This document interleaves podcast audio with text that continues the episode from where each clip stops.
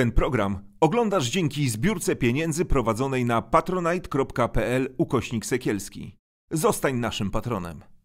Afera mailowa. Kto włamał się na ministerialne konto? Jak dbać o własne bezpieczeństwo w sieci i nie tylko? O tym wszystkim dziś w Sekielski Online.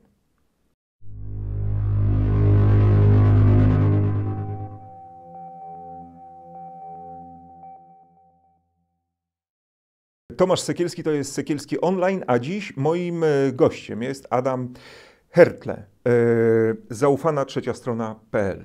E, człowiek, który żyje w sieci. Tak, nie da się ukryć od wielu lat. I zna się na bezpieczeństwie sieci. Im więcej wiem, tym mniej się znam, ale mam coś do powiedzenia. Zdziwiło Pana to, że wybuchła afera mailowa? Czy to była tylko kwestia czasu, że coś takiego się zdarzy w Polsce?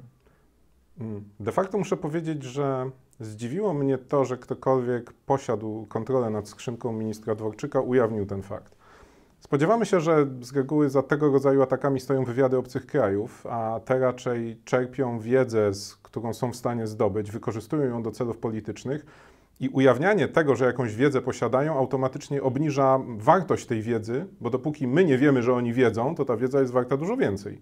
Gdy oni mówią, chwalą się tym, że ukradli te maile, to znaczy, że ocenili, że utrata tej wartości wykradzionej skrzynki, tej dodatkowej wiedzy na temat kształtowania naszej polityki na najwyższym poziomie, jest zrównoważona efektem, jaki osiągają ujawnieniem tej wiedzy, którą zdobyli. Więc no, ciekawy ruch, bo nie mieliśmy takich wcześniej. A może to właśnie świadczy o tym, że to wcale nie służby? Ja jestem przekonany, że to jednak służby. Z jakiego powodu ujawniają, tego nie wiem, ale myślę, że stoją za tym służby i to bardzo konkretnego kraju. Rosji? Jest to ewidentne e, z dwóch co najmniej powodów. W świecie IT e, mówimy o atrybucji ataków i w tym wypadku mówimy o tym, że znamy pewne ślady, raporty firm zagranicznych, które monitorują działania obcych wywiadów, które wskazują, że już w zeszłym roku jedna z grup działających na rzecz rządu rosyjskiego, niedefiniowane tak, czy jest to wywiad wojskowy, czy cywilny, ale działająca na rzecz rządu rosyjskiego, stawiała domeny, które miały bardzo podobne adresy do popularnych serwisów poczty y, używanej przez Polaków, na przykład Wirtualna Polska, Onet, Interia. E, więc wiedzieliśmy, że te ataki na kogoś w Polsce są przeprowadzane i te loginy i hasła są wyłudzane. E, byłoby dziwnym zbiegiem okoliczności, gdyby te ataki nie były powiązane z tym, co obserwujemy dzisiaj. Tym bardziej, że gdy nie wiemy, kto stoi za danym atakiem, patrzymy, kto mógłby na nim skorzystać.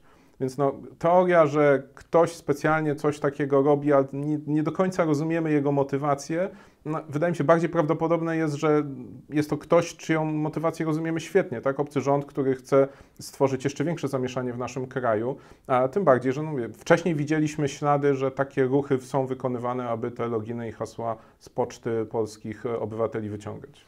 Czy jesteśmy, jesteśmy, czy służby e, specjalne polskie są w stanie dotrzeć do osób, które przeprowadziły ten atak, które włamały się na skrzynkę mailową ministra Dworczyka? Z reguły jest to nad wyraz trudne. Historycznie, o ile w ogóle wiemy o czymkolwiek, no bo najczęściej działania służb odbywają się w sposób niezauważany dla zwykłej publiczności, ale historycznie w ostatnich latach mieliśmy dwa czy trzy przypadki, gdzie zachodnie służby wskazywały palcem, że za danym atakiem stoi czy Chiny, czy, czy Rosja, czy Korea Północna i no, musiały wtedy mieć bardzo silne dowody, więc zakładam, że były w stanie wskazać nawet konkretnych sprawców. Są akty oskarżenia wobec niektórych hakerów, czy chińskich, czy rosyjskich, czy koreańskich, które amerykańskie służby składały do, do tamtejszych sądów. Wskazują tam konkretne osoby, więc jest to czasem możliwe. Natomiast mówimy o jednej z najlepszych służb specjalnych na świecie amerykańskich, które widzą bardzo dużo tego, co się dzieje w internecie i podsłuchują w zasadzie chyba wszystkich i wszędzie. Nie sądzę, by polskie służby miały aż tak daleko idące możliwości, natomiast są jakby dwa warianty alternatywne. Albo dostaną taką informację w prezencie od sojusznika, który możliwości ma większe, a jesteśmy częścią NATO, więc e, mamy tych sojuszników z dużymi możliwościami technicznymi, czy Amerykanów, czy Brytyjczyków, czy nawet Holendrów i Francuzów, którzy nas no, biją na głowę technicznie. Druga możliwość to jest e, niekoniecznie ustalenie tożsamości sprawcy, ale dostęp do infrastruktury, którą wykorzystywał do ataku, dostęp do serwerów, dostęp zupełnie nielegalny, bo to znaczy, że hakujemy tego, kto hakuje nas. Na czym można przeprowadzić jakiś kontratak nawet? Z tymi kontratakami jest trudno, tak? Bo to, żeby kontratakować, najpierw trzeba umieć się dobrze bronić, a my jeszcze nie umiemy się dobrze bronić, okay. tak? Więc, więc ja bym pozostał na etapie, poprawmy naszą obronę, zanim zaczniemy się szykować do kontrataku. Panowie ministrowie, czyli nie kontratak, bo takie hasła już się gdzieś tam pojawiały, tylko obrona, najpierw obrona. Tak, no bo głupio wjechać z kontratakiem, gdy tyły mamy niezabezpieczone, tak? To nie, nie jeden Napoleon się na tym No dobrze, ale ja wrócę do tego pytania. Czy w Polsce e, od lat się mówi, e, to jeszcze poprzednia ekipa rządowa była, czyli to były lata 2000, powiedzmy tam 10-15, wtedy zaczęto mówić o potrzebie obrony tej, tej cybernetycznej e, kraju. Miał powstać, miała powstać specjalna nowa struktura, która by zatrudniała, szkoliła tych dobrych hakerów, którzy mieliby działać e, na rzecz obrony e, Polski, naszej infrastruktury tej e, w internecie, zabezpieczenia serwerów i innych rzeczy. Wydaje mi się, że nic takiego nie powstało do dziś. Tu się trochę nie zgodzę. No, co prawda te dwa miliardy, o których minister Macierewicz parę lat temu opowiadał na cyberbezpieczeństwo Polski, no, wydają się być jednak trochę wirtualnymi pieniędzmi. Poszły na TVP. Przypadkowo się zgadza. Ale tak naprawdę, mm, poważnie już mówiąc, e, akurat w Wojsku Polskim w ostatnich 3-4 latach po raz pierwszy w historii ktoś naprawdę pochylił się nad cyberbezpieczeństwem. Ale mamy wojska cybernetyczne? Mamy. Ile, Mamy oddziały. Il, il, ilu jest e, nie znam, nie znam liczności tej grupy, natomiast wiem, że przywodzą, dowodzą nimi osoby, które wiedzą, co robią, mają jasno wyznaczone cele i mają środki do ich realizacji. Dobrze, ale czy przypadkiem, e, jeśli chodzi o wojsko, to oni się po prostu nie, nie zajmują tylko i wyłącznie ochroną e, wojska? Tak, to jest ta no część właśnie. wojska, ale ja chciałem powiedzieć, że przynajmniej coś się zadziało, coś, cokolwiek. Ponieważ jeżeli patrzymy na to bezpieczeństwo od strony cywilnej, no to tutaj mamy przede wszystkim chaos i zamieszanie. Mamy kilka zespołów, które pracują w mniejszym lub większym oderwaniu od siebie, natomiast nie mamy żadnej struktury, która by łączyła całą tą polską myśl, bo Mamy świetnych informatyków, tylko im trzeba zapłacić, a nie ma budżetu na to, no bo są kominy płacowe w budżetówce nie do przeskoczenia. A są zespoły, które faktycznie działają. Mamy znaczy zespoł... mogliby ich zatrudnić na etatach w TVP. Ja znowu, przepraszam za złośliwość, ale tak te dwa miliardy z tymi dwoma miliardami mi się Może by wystarczyło, łączyło. może by wystarczyło. Mamy zespół CERT Polska, mamy zespół CERT ABW, mamy zespoły w różnych organizacjach, które też współpracują, które działają, aby jednak w Polsce było bezpiecznie, aby tych ataków było mniej. Tylko, że jeżeli nawet zespół CERT Polska wykryłby taki atak, i zgłosił to, no to do kogo by to zgłosił? Mamy jakieś ministerstwo, które zajmuje się cyfryzacją w tym kraju? No A nie, zaraz, chyba to już jest kancelaria premiera, więc nawet zlikwidowano ministerstwo, mamy, które za to ale mamy, ale mamy wicepremiera do spraw bezpieczeństwa. Tylko nie wiem, tak, czy wicepremier mamy. do spraw bezpieczeństwa w ogóle korzysta z komputera. Coś, wrzucić coś do skrzynki można mu, jak ktoś zna adres. Pocztowej. Tak. Skrzynka nie do skakowania.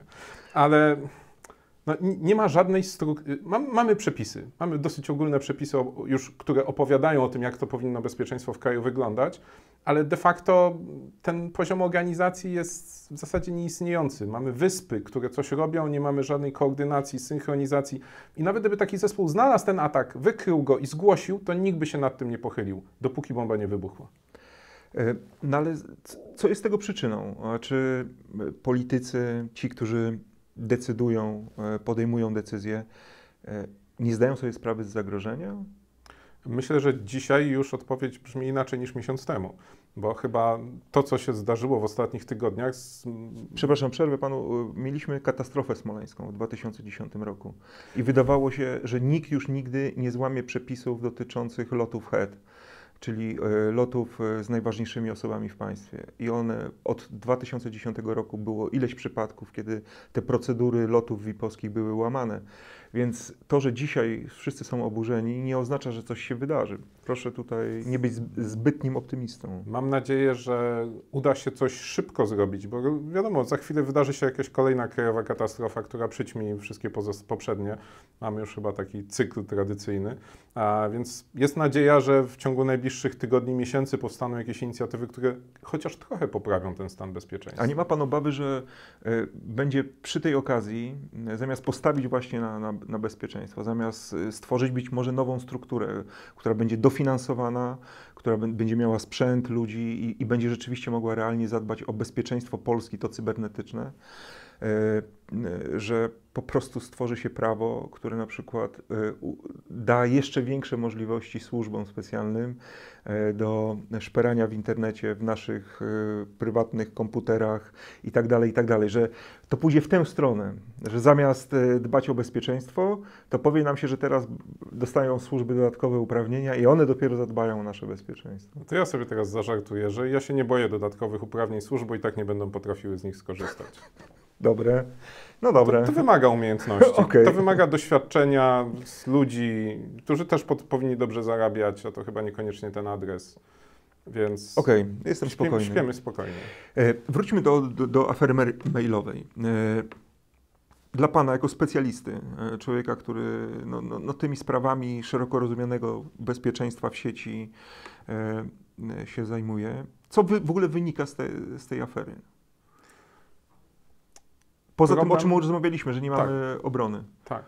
Myślę, że, że problemy są na dwóch warstwach. Jeden, jedna taka, że a, używanie przez urzędników państwowych skrzynek prywatnych jest bardzo, bardzo, bardzo złym pomysłem, czego mam nadzieję nie muszę już dzisiaj udowadniać. A, przyczyny takiego stanu rzeczy to już zupełnie są kwestie polityczne. Natomiast a, nawet jeżeli używamy skrzynki prywatnej do celów służbowych lub przechowujemy tam jakiekolwiek istotne informacje, to poziom zabezpieczeń tej skrzynki powinien być adekwatny do wagi informacji, które na niej się znajdują. I fakt, że sprawcom udało się włamać do skrzynki ministra, co zresztą sama, sam dostawca tej usługi poczty prywatnej potwierdził, był głównie spowodowany tym, że no, ktoś od pana ministra wyłudził login i hasło, a pan minister nie korzystał z powszechnie dostępnych, darmowych mechanizmów bezpieczeństwa, które by taki atak nie tylko utrudniły, ale praktycznie uniemożliwiły. Więc, e, a co jest... czy y, powszechnie dostępne darmowe? Mówimy o tak zwanym dwuskładnikowym uwierzytelnieniu. Czyli standardowo skrzynkę chronimy loginem i hasłem, i tak robiliśmy przez ostatnie 30 lat. Natomiast e, od paru lat coraz popularniejsze, w większości serwisów pocztowych dostępne, są dodatkowe elementy, które potrzebujemy, aby do naszej poczty się dostać. Że jeśli na przykład na nowej przeglądarce, yy, tak. czyli na nowym komputerze, to wówczas na nasz telefon przychodzi na przykład kod, który musimy Mamy, mamy kilka sposobów. Albo SMS, tak jak przy potwierdzaniu przelewów z banku, albo jakiś kod z aplikacji, jeżeli ktoś korzysta z jakichś tak zwanych tokenów aplikacyjnych, mhm. albo taki jakby pendrive, który musimy włożyć do komputera. Nie za każdym razem, ale tak jak Pan wspomniał, kiedy musimy przypomnieć komputerowi, że my to my, przypomnieć dostawcy usługi, czyli kiedy zmieniamy komputer, kiedy na przykład pojedziemy nagle na wakacje gdzieś daleko, wtedy raz na miesiąc, raz na dwa miesiące musimy się odświeżyć, jakby uwierzytelnić ponownie, że my to dalej my. A gdyby ktoś nawet wyłudził od ministra Dworczyka login i hasło, co się zdarza, a minister Dworczyk miał taki mechanizm zabezpieczeń wdrożony, to nie mógłby się zalogować. Ta osoba nie mogłaby się zalogować do jego skrzynki i nie mielibyśmy całej tej afery. Czyli zupełne, zupełne takie beztroskie e, podejście do sprawy bezpieczeństwa i ochrony danych własnych. Połączenie tych dwóch faktów, że w tej skrzynce były informacje bardzo ważne dla Polski i to, że ona nie była odpowiednio zabezpieczona, bo gdyby którykolwiek z tych elementów wystąpił pojedynczo, to tej afery by nie było. Coś e, w tych mailach e, Pana zaskoczyło? Co by tłumaczyło, dlaczego zostały ujawnione? Sposób, w jaki te maile są publikowane przez atakującego, bardzo ogranicza możliwość analizy. To są tylko zrzuty ekranu, nie mamy dostępu do źródłowego materiału, który można by było jakoś sprawdzić. Natomiast no, patrząc na te maile i czytając, mam dwa wnioski. Jeden taki, że tam nie ma na razie żadnej bomby. Nie, nie, sprawdzałem, co wrzucili pół godziny temu, ale bomb tam nie ma. Bombą taką obecną, wszechobecną, takim słoniem w pokoju jest to, że wszyscy prowadzą korespondencję z prywatnych skrzynek od, od premiera zaczynając. I jedyne służbowe adresy to są jacyś szeregowi pracownicy, którym, którym najwyraźniej jeszcze nie wypada. Chyba dopiero do jakiegoś poziomu awansu można przejść na Gmaila. E, albo z poufalenia się na przykład z szefem rządu. E, może to nawet nie chodzi o stanowisko, ale na tyle, na, e, od tego, na ile jest się blisko. E, czy jest się na przykład po imieniu, jak już jest Mateusz, to już można. To już można z Gmaila. Z Gmaila wtedy. Ja tylko jestem ciekaw, ile maili pan premier już dostał na tego Gmaila i czy ma już nowego? Chyba już ma. No. Myślę, że już ma. Dobrze, pewnie wiele osób, które nas teraz ogląda, zastanawia się, ok, co powinienem, powinnam zrobić, aby czuć się w miarę bezpiecznie. Wiadomo, że w tych dzisiejszych czasach ataki są rzeczą nagminną, że nie tylko na celowniku są ministrowie, politycy, nie wiem, ludzie służb, no, jak, jakaś umowna elita, ale też każdy z nas może być, bo ktoś może chcieć wyłudzić y, numery do, do kont bankowych, inne poufne nasze dane, które można jakoś później wykorzystać. Więc każdy dzisiaj, pewnie każdy ma smartfona i ma komputer. Nie wiem, czy komputer ma każdy, ale smartfony to już pewnie są rzeczą właściwie mm, powszechną. E, ale na nie też się można włamać i, je wykorzystywać do, do, do tych e, cybernetycznych ataków. E, jakie jest takie BHP korzystania z tej nowej technologii, jaką mamy w rękach? Analizując trzy elementy, poczta, telefon, komputer, powiedziałbym, że najłatwiej włamać się na pocztę, więc od tego zacznijmy. Mhm. Jeżeli, przepraszam wszystkich polskich dostawców poczty, ale no mogli zrobić to lepiej. Jeżeli ktoś ma pocztę w jakimkolwiek serwisie innym niż Gmail, to niech przeniesie tą skrzynkę na Gmaila. Poczta dzisiaj to jest centrum naszego życia w internecie. Jeżeli ktoś robi zakupy, to ma tam wszystko. Ma tam całą historię swojego życia, ma tam wszystkie swoje dane, ludzie tam mają skany dowodów osobistych, akty notarialne, wyciągi z banków. Y, ktokolwiek dostanie do tego dostęp wie o nas więcej niż my sami, bo my najczęściej nie pamiętamy już, co tam mamy, a ktoś sobie mhm. to wszystko przejrzy i przeczyta. Nie mówiąc już o różnych zdjęciach, które ludzie potrafią sobie na maile wysyłać. Bardzo często. A, także to jest coś, co powinniśmy zabezpieczyć po pierwsze. Y, bank, Facebook. Nie, najpierw poczta. To jest najważniejsze. Kto ma dostęp do poczty, będzie miał dostęp i do Facebooka, i do banku, i do całego naszego cyfrowego życia. Także skrzynka na Gmailu to jest pierwszy krok. Dlaczego? No bo w takim polskim dostawcy poczty pracuje ile osób w dziale bezpieczeństwa? Jedna, dwie, może pięć, jak jest duży, a w Google pracuje kilka tysięcy w dziale bezpieczeństwa i to są najlepsi ludzie na świecie. I oni chronią naszą pocztę przed właśnie takimi atakami jak na ministra Dworczyka i przed zwykłymi hakerami. I robią to bardzo skutecznie, do tego stopnia, że czasem przestępcy nawet jak widzą, że jest Gmail, to rezygnują w ogóle z próby ataku, bo wiedzą, że to stracony czas. Mhm. Więc przeniesienie skrzynki na Google'a, nie bójcie się, że na waszą starszą skrzynkę coś przyjdzie, ustawić przekierowanie z tej starej na tą nową i wszystko do was znowu trafi. A po drugie, uruchomienie tego dwuskładnikowego uwierzytelnienia, przynajmniej w formie tego kodu z aplikacji, a najlepiej w formie takiego dodatkowego pendrive'a, który podłączamy do komputera, kiedy chcemy się zalogować. I od tego momentu Google potwierdza, jeżeli ktoś korzystał z tej metody na pendrive'a, tak, na tak zwane U2F, tak to się nazywa, takie kluczyki, to skuteczność ataków spadła nie o 99,9%, o 100%. Nie mhm. mają żadnego potwierdzonego incydentu, w którym ktoś by się włamał na skrzynkę w ten sposób chronioną. A mają tych skrzynek kilka, milion, kilka miliardów, więc to skala jest taka, że to pokazuje, to działa. To jest nie do pokonania znaczy, mechanizm. Trzeba było komuś ukraść po prostu login, hasło no, i pendrive'a. no to tak. prędzej mu dziecko porwą tak i powiedzą daj hasło, tak? I, i albo daj no, tak, maile, tak, tak, tak, tak? Więc, więc będzie, będzie szybciej. Też mówię, jak ktoś obawia się, że mu zdejmą odcisk palca ze szklanki i przełożą na żel i następnie odblokują telefon, szybciej dostanie pałą w załuku i przyłożenie palca nieprzytomnego trwa krócej. A mówimy o realnych atakach, tak? nie, o, nie o filmowych, Jasne. bo wiadomo, że na filmie to wygląda trochę inaczej. A jeśli chodzi o komputer, to aktualny system operacyjny, jakikolwiek, kto preferuje, czy Mac, czy Windows, czy Linux, aby był aktualny. Aktualizować na bieżąco. Tak, jeżeli ktoś ma z Windowsa starszego niż 10, czy za chwilę 11, bo właśnie wyszedł nowy, to jednak ten nowszy. Tak? Im nowszy, tym bezpieczniejszy. I solidny antywirus. Dowolny, znany. Żaden nie jest lepszy, gorszy. Duży, aby był znany. I to wystarczy, jeśli chodzi o ochronę komputera. A na szczęście na telefon włamać się jest najtrudniej, więc na telefonie wystarczy, żeby był aktualny system operacyjny. Użytkownicy Apple'a mają prosto, bo telefony 6-7-letnie dostają najnowsze systemy. Użytkownicy Androida mają trudniej, bo żeby zaktualizować system, często trzeba po prostu sprzedać stary telefon i kupić nowy. Ale Android tak od 8 w górę. Tak? Jak ktoś ma Androida starszego niż 8, to wymiana telefonu najczęściej niezbędna, żeby otrzymać jakąś nowszą wersję. Na smartfona naprawdę bardzo, bardzo trudno się włamać. Więc jeżeli chcecie trzymać coś poufnego, raczej na telefonie niż na komputerze. E, musimy też uważać na, e, e, bo cyberatak to nie tylko umiejętność pracy na komputerze, tak, że siedzi sobie haker i tam wklepuje jakieś kody, czy ma jakieś urządzenie, ale też po prostu wyłudzanie haseł i loginów. I też powinniśmy zachować czujność, prawda? Nie odpowiadać na maile, których nie znamy. Tu jest, nas... tu jest właśnie główny problem, bo ja bardzo lubię, jak ktoś mówi, takie porady fachowcy dają. Proszę nie klikać w podejrzane linki. Ale który jest podejrzany? Ten jest podejrzany czy ten? No jak powiedzieć, który jest podejrzany? Skąd ja mam wiedzieć, który jest podejrzany? Albo mhm. proszę, proszę nie otwierać podejrzanych e-maili. Mhm. No, nasze życie polega na otwieraniu e-maili. Są osoby, które za to biorą grube pieniądze i otwierają 200 e-maili czy 300 dziennie. Skąd mają wiedzieć, który otworzyć, a który nie? Więc e, ja mówię tak, każdy da się prędzej czy później złapać. Ja też się dałem parę razy złapać, czy koledze, czy przestępcy. Przyznaję się do tego bez bicia, też jestem człowiekiem, tak? Mhm. Natomiast te mechanizmy dodatkowe, to dwuskładnikowe uwierzytelnienie powoduje, że nawet jak damy się złapać, to dalej nic złego się nie stało. Tak jak, nie wiem, damy się złapać na login i hasło do banku. Dopóki nie przepiszemy przestępcy hasła z SMS-a, to on nie ukradnie naszych pieniędzy. No zobaczy historię naszych transakcji. Może się ucieszy, może zasmuci, ale no przeczyta sobie. No i to jest wszystko, co straciliśmy. Ale pieniędzy nie stracimy, dopóki nie podamy tego kodu. Więc szczególnie uważać na ten moment, kiedy musimy podać ten kod, który przepuszcza kogoś gdzieś dalej, tak? Czy do naszej poczty, jeżeli dostaniemy tego SMS-a z tym kodem, to zastanowić się, czy na pewno jesteśmy na stronie naszej poczty. Tak? Mhm. Popatrzeć sobie w pasek adresu, czy tam jest najlepiej oczywiście gmail.com i nic więcej, mhm. tak?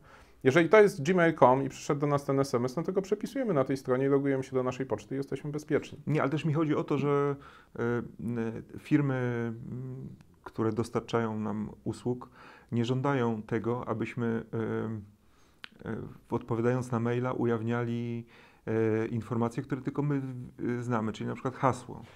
E, no to takie Więc oczywiste trzeba, porady, tak? E, nie wysyłać hasła mailem. Tak? A, a, a, często ludzie się nabierają na to, znaczy, bo jest y, wysłane coś, co przypominać może na przykład oficjalne pismo z jakiegoś, od jakiegoś znanego dostawcy usługi.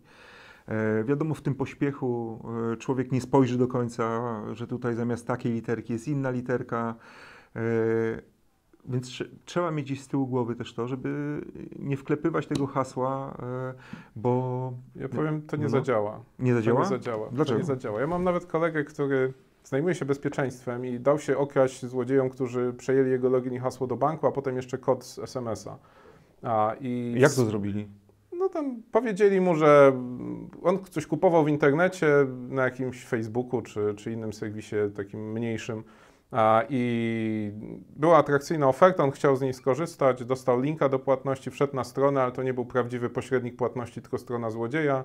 Tam podał login i hasło do banku, a potem przepisał kod z SMS-a. Człowiek zajmujący się na co dzień bezpieczeństwem. A ja się z nim spotykam, on się do tego przyznaje, bo się z tego śmieje, wszystkim o tym opowiada. Ja mówię, słuchaj stary, no świetna historia, powiedz mi jak to się w ogóle stało, tak? No, piękny przypadek, żeby wytłumaczyć ludziom, mhm. jak dochodzi do tego typu incydentów, skoro ekspert dał się złapać do taki ekspert, który byłby w stanie sam opowiedzieć cały ten proces oszustwa krok po kroku, na Jasne. czym on polega. A on mówi, prosta sprawa, pijany byłem. I już, tak? I, I, mamy w życiu takie momenty, kiedy płacze nam dziecko na jednej ręce, na drugiej trzymamy wiszącego psa, tak? Właśnie nam kipią kluski w kuchni i, i przychodzi SMS i, i, nikt nie oczekuje od nas, że my będziemy studiować teraz, czy tam jest taka literka, czy siaka no literka. No tak, ale dzisiaj też są możliwości y, takich płatności przez y, internet, y, gdzie nie trzeba niczego wpisywać. Jest Google Pay, jest Apple Pay i to chyba jest bezpieczniejsze nawet niż jeżeli, wpisywanie tak. własnych danych. Jeżeli mówimy o, tak płatnościach, to na pewno Google Pay i Apple Pay są wielkim przebojem i przełomem. A, I faktycznie znacząco zwiększają bezpieczeństwo w ogóle wszystkich naszych płatności. Trzy rzeczy: Blik, Apple Pay i Google Pay. Tak? Są technologie, które są super bezpieczne. A, ale oczywiście w ten sposób też można dać się określić, bo na przykład e, robimy, sprzedajemy coś na Elixie. W tej chwili to jest w ogóle -hmm tysiące ataków dziennie w Polsce. Wystawiamy jakąś ofertę na Elixie i po chwili odzywa się do nas ktoś na WhatsAppie i udaje osobę zainteresowaną tym zakupem. Jest ponad 100 gangów, które w tej chwili tym się zajmują. Większość z nich siedzi na wschód od Polski, niekoniecznie aż tak daleko, tam bliżej też. I pisze do nas, że jest zainteresowany zakupem, już w zasadzie już zapłacił i teraz musimy tylko wejść na stronę i potwierdzić nasz numer karty, na którą przyjdą pieniądze. Tylko, że potwierdzamy numer karty, podając nasz numer karty i, i datę ważności, a potem musimy jeszcze przepisać kod z SMS-a. Jak ktoś nie przeczyta tego SMS-a, to właśnie zgodził się na połączenie jego karty płatniczej z kontem Apple Pay albo Google Pay złodzieja. który następnie, korzystając z bezpiecznej usługi Apple Pay i Google Pay, tylko niestety naszej karty, robi zakupy czasem na kilka tysięcy złotych. Więc jeżeli coś sprzedajecie właśnie na Elixie i dostaliście wiadomość na WhatsAppie, to popatrzcie, czy ten link prowadzi do olx.pl, bo na pewno nie prowadzi. Dobre I to mówimy sposoby, o kilku tysiącach dobre, oszustw dziennie. Do, do, dobry, do, dobry sposób. Nowy sposób, ale dlaczego to działa? No, kto normalny podaje kartę, żeby dostać na nią pieniądze? Czy komuś normalnie kiedyś zdarzyło się podać dane karty i dostać na nią pieniądze? To tak w ogóle nie działa. Pijany? Na przykład. Albo ktoś, kto nie wie, jak to działa. I to jest fenomen, bo eksperci od bezpieczeństwa mówią, no ale jak ktoś mógł to zrobić? A na przykład ja sobie wyobrażam, no przyjeżdżam do warsztatu samochodowego ze zepsutym sprzęgłem, no bo było od miesiąca, ale nie sądziłem, że to poważna sprawa, bo jeszcze jakoś jechało. I ten mechanik patrzy na to sprzęgło i mówi, pani, jak pan mógł tak jeździć? Jechał. Mówię, jechał, no właśnie, bo ja się na tym nie znam, on się na tym zna. I teraz mamy odwrócenie ról, tak? Mhm. Ja jestem tym ignorantem. I ja rozumiem, że ja się znam na bezpieczeństwie, ale ludzie po drugiej stronie się nie znają. I dlaczego mają się na tym znać? Są dentystami, nauczycielami, sprzedawcami?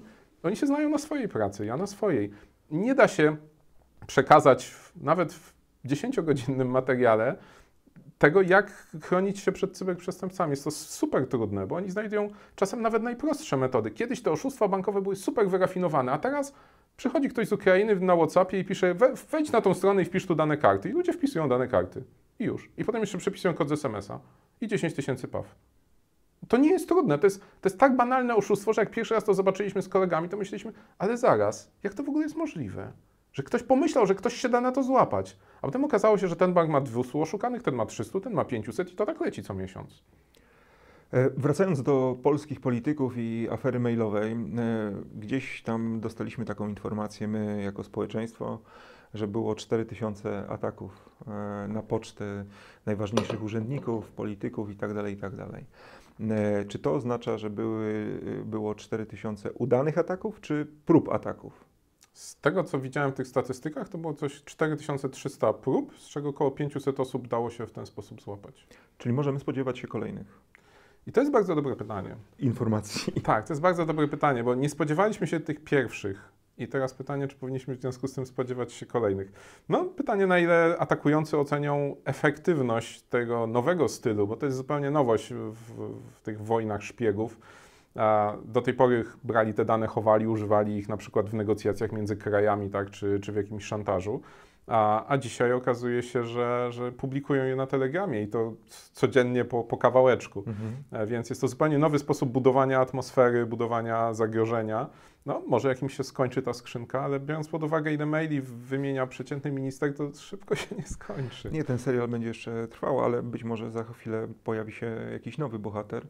E, czy ta skala tego ataku na tle innych tego typu ataków, e, e, do których dochodziło w Stanach Zjednoczonych, w zachodniej Europie, ta, skala jest duża, czy taka porównywalna? Absolutnie porównywalna. Kiedy mieliśmy do czynienia z atakami na kampanię wyborczą demokratów w trakcie pojedynku Hillary Clinton. Czym Hillary Clinton zapłaciła przegrany? Prawdopodobnie jej to kosztowało, kosztowało jej to stanowisko pre, prezydenta.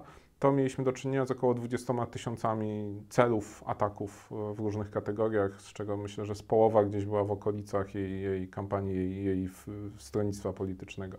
Więc y, myślę, że to taka normalna, normalne zlecenie, normalne zadanie służbowe było.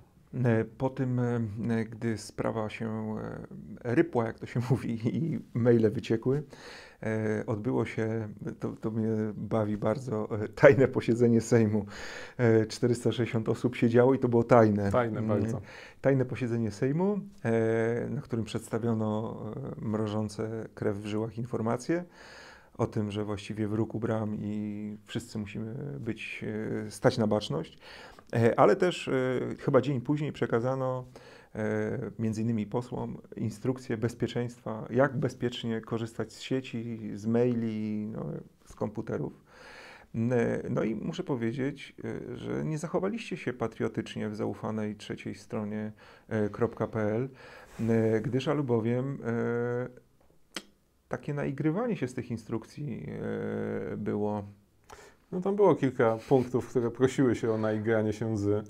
Co było najśmieszniejsze? Tam było dwadzieścia parę rekomendacji i tak z 4-5 były nie do końca zgodne z najlepszymi praktykami w mojej ocenie, z czego jedna była kuriozalna.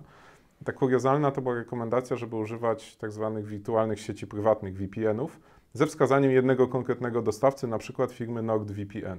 Nie da się ukryć, że jest to jeden z najtańszych, a jednocześnie największych dostawców na rynku, ale jeżeli przyjrzeć się tej spółce, a kiedyś spędziłem nad tym kilka Znaczy, przepraszam, tygodni. VPN to jest coś takiego, że, wytłumaczę ludziom, którzy y, oglądają nas, a, a nie wiedzą, co symuluje, że na przykład nie przenosi nas wirtualnie. Nie jesteśmy w Warszawie, tylko na przykład w Sztokholmie. To jest coś w rodzaju tunelu między naszym komputerem. Ktoś stawia serwery na całym świecie. Tak. I my mu płacimy pieniądze, on w zamian za to bierze ruch cały na, wychodzący z naszego komputera, wysyła najpierw na swój serwer, a dopiero ze swojego serwera do innych. Tak, i ktoś Czyli- postronny, komuś postronnemu może wydawać się, że jesteśmy e, właśnie, właśnie na przykład w Sztokholmie. Tak, tak. Tylko, że ktokolwiek kontroluje ten serwer w Sztokholmie, widzi też cały ruch wychodzący z naszego komputera. Czyli jak normalnie siedzimy przy naszym komputerze i korzystamy z usługi naszego dostawcy internetu, to ten dostawca internetu, będący polską spółką telekomunikacyjną, regulowaną prawem telekomunikacyjnym pod polskimi regulacjami, gdyby był nieuczciwy, mógłby patrzeć w to, co my w tym internecie robimy, ale formalnie z punktu widzenia przepisów ma zakaz i gdyby spróbował i to wyszło na jaw, będzie go to kosztować dużo, bo do 3% obrotów taka kara za podsłuchiwanie klientów y, może być. No ale my sobie zostawiamy tego VPN-a, ten tunel gdzieś do serwera w Szwecji i okazuje się, że właścicielem tego serwera w Szwecji jest firma zarejestrowana w Panamie, która odmawia podania swoich udziałowców, a przepisy w Panamie zezwalają na tworzenie spółek anonimowych. E, NordVPN. Tak, i to właśnie o tego największego dostawcę chodzi. Super. I taką radę dostali polscy parlamentarzyści, żeby No, korzystać z NordVPN. Ale powiem, że jest tym pewna konsekwencja, bo skoro y, korzystali z prywatnych skrzynek, żeby nie podsłuchiwały ich polskie służby, to podsłuchały ich służby obce. Więc teraz konsekwentnie nie korzystajcie z polskich dostawców telekomunikacyjnych, żeby was nie podsłuchali, dajcie ten ruch obcym. Albo po prostu publikujcie wszystko w sieci. Będzie prościej. Dla wszystkich. Nie wiem, czy chciałbym to wszystko czytać. E, dziękuję bardzo e, za to spotkanie, e, za e, bardzo e, interesujące i myślę pouczające e, dla mm, widzów informacje i komentarze. E, Adam Hertle, zaufana trzecia strona.pl. E, Jeśli chcecie dowiedzieć się więcej o, o bezpieczeństwie w sieci, ale też poczytać o różnych nowinkach e, technologicznych, mogę tak powiedzieć? Tak mogę Bezpieczeństwa. powiedzieć. Bezpieczeństwa. Bezpieczeństwo. To zaufana trzecia strona.pl. Gorąco i serdecznie polecam. Wielkie dzięki za spotkanie. Dziękuję bardzo. Ten program oglądałeś dzięki zbiórce pieniędzy prowadzonej na patronite.pl ukośnik Sekielski. Zostań naszym patronem.